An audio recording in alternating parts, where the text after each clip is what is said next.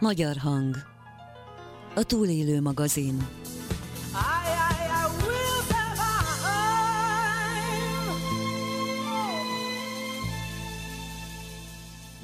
December 12-én volt Antal József halálának évfordulója, 26. évfordulója.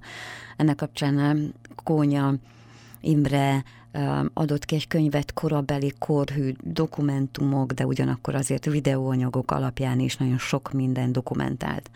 Majd eljön a január, és a január 10-i Magyar Hangszámban Jeszenszki Géza a könyv, a helyzet, illetve Antal József kapcsán vissza Antalhoz, avagy a néhai miniszterelnök is kívánatosnak tartotta, hogy a politikai életben a váltógazdaság feltétele alakulnak ki. Publicisztikát írt. Jó napot kívánok, üdvözlöm! Ez sokolom. Abszolút értem az apropót, abszolút értem a mondani valót, hogy miért pont most, és miért pont így írja meg ezt az írást. Ugyanakkor viszont nem állhatom meg, hogy megkérdezzem, hogy hogyan élte meg 89-től azokat az éveket, amikor 90-es évek tavasza, aztán választások, mi volt az első felálló szabad kormány hite? Mit akartak? Mit szerettek volna? Mi volt a vágyálom?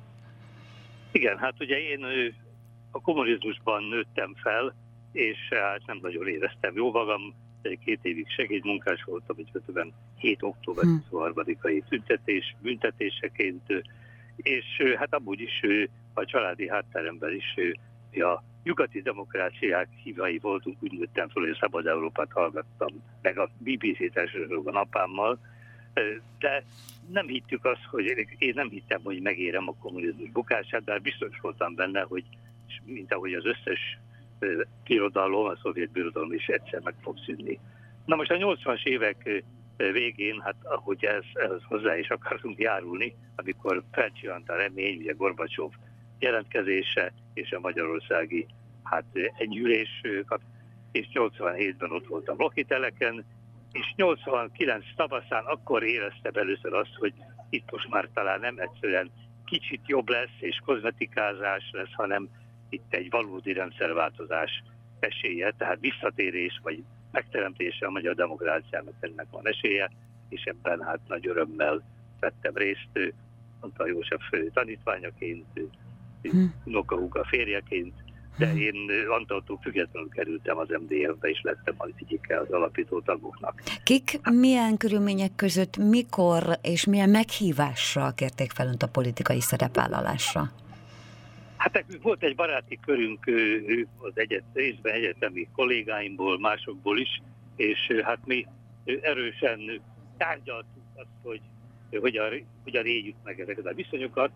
Ezek közül sokan vagy akadémiai tagok lettek, nagykövetek lettek, elismert tudósok lettek, úgyhogy én részben belőlük is toboroztam néhány új nagykövetet, és hát az volt a közös célunk minden rendszerváltás előtt, mint utána, hogy Magyarország egy normális, nyugati típusú demokrácia legyen, amelyről ugye 89-90-ben nagyon sok szó esett a világ sajtóban, de hogyha ez megtörténik, akkor nem lesz tőlünk sok. Azt mondta, azt a kifejezés jelzőt használta, hogy normális demokrácia legyen. Azért nagyon érdekes, amit mond, mert a Visszaantalhoz címmel a publicisztikájának az utolsó bekezdése így kezdődik. Azt tapasztalom, hogy az egész országban nem kevesen vannak olyanok, akik szeretnének látni egy olyan, olyan ellenzéki szerveződést, pártot, amely nem jobboldali, azaz nem a Fidesz és nem a Jobbik, és nem baloldali, nem az MSZP és nem a DK, hanem milyen? Igen, hát ez egy, talán ma nem annyira vallják ezt sokan, de pár éve... Azért kérdezem ezt csak, és állítom párban 89-90-es évekhez, Igen, mert én azt gondolom, hogy azokban az években is ez egy vezérelv lehetett. Nem, nem, tulajdonképpen 90-ben, 89-ben uh-huh. ez a jobb oldal, bal oldal, ez nem nagyon hangzott el. Pontosan, igen, igen, erről beszélek az... önnek, hogy egy ilyen rokon, időbeli rokonságot érzek az igényekkel, a vágyjal. Így van, hát én tulajdonképpen a, a bal oldal soha nem azonosítottam a kommunizmussal, hanem a szociáldemokráciával, tehát nekem semmi kifogásom az igazi baloldallal szemben, de Magyarországon a baloldalt ugye azért a tulajdonképpen a kommunizmussal azonosítják, és a jobb oldalt pedig hát nem ma, de a kommunista korszakban pedig a nácizmussal. Tehát nekem sem a kommunizmussal, sem a nácizmussal semmi dolgom, semmi valóm, mind a kettőt megvetem, mind a kettő egy szörnyű rendszer volt, és Antal József maga is azt mondta, hogy az MDF legyen középpárt. A politikát, a kormányrudat középről kell vinni, irányítani. Úgyhogy én úgy gondolom, hogy ma, amikor ennyire megosztott a társadalom, és szinte nem beszélnek egymással, magukat jobboldalinak és a magukat baloldalinak nevezők, igenis arra van szükség, hogy a kettő találkozom, hogy legalábbis azok álljanak össze, és azok szavazzanak együtt, akik egy, tehát mondtam, egy valódi demokráciát akarnak, ahol jó lenne a váltógazdaság, jobb közép és bal pártok, centrumpártok, liberális pártok, konzervatív pártok, és miután jelenleg az egyik párt sem felel meg egész pontosan ennek az általam is kívánt kritériumok, kritériumnak azért vetettem föl, hogy lehet szükség le új pártra, vagy pedig a meglévő pártok azonosuljanak maradéktalanul azzal a demokrácia felfogással, amivel meggyőződésem, hogy nem állok egyedül. Ha még rákérdezhetek arra, hogy a demokrácia felfogáson kívül a konzervatív vagy progresszív konzervatív jelző, amit bevezet egyébként 56, illetve Petőfi párt, Kossuth párt elemzés, a nagyon rövid pici elemzés a kapcsán.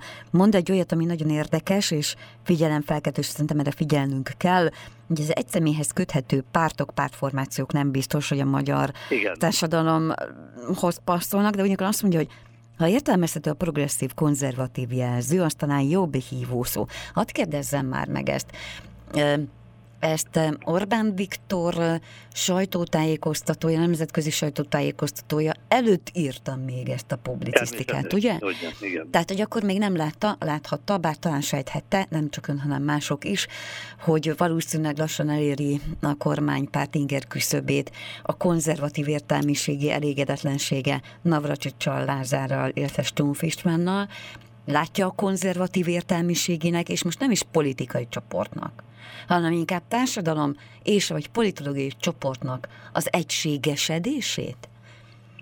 Hát abban van egy egységesedés, hogy Fidesz, az sajnos a mai Fidesz az nem az, amit, amit szavaztunk is, amit üdvözöltünk mondjuk 98-ban, vagy akár hamarabb, amiben 2002-ben még bíztunk, ugye hatalmas tömeg támogatta a, már a választási vereség után még Orbán Viktort és pártját, és én azt gondolom, hogy azt tapasztalom itt baráti ismerősi körben, nem mindenkinél persze, hogy igenis van egy igény, amit ki lehetne fejezni a Antal-féle MDF-fel is, uh-huh. csak azért írtam, hogy hát csak azt mondjuk, hogy egy Antal párt, hát ugye akik nem is éltek akkor, vagy egész fiatalok voltak, ők aztán végképp nem mond semmit, amellett Antalra nagyon sokan hivatkoznak ma, olyanok is, akik korábban ellene voltak, legalábbis ma tisztelik. A kormánypárt is a halálai fordulóján emlékülést tartott a parlamentben. Hmm. Tehát de éppen azt ír is írta meg ezt a cikket, hogy rámutatni erre a esetleg még nem teljesen kiábrándult, talán még Fidesz pártiakra, akiknek azért már hogy ezt Pálinkás József útkor fogalmazta, hogy befogott orral szavaztak a Fideszre az utolsó egy-két választáson, vagy esetleg befogott orral szavaztak az ellenzékre, azért, hogy mégis változást legyen.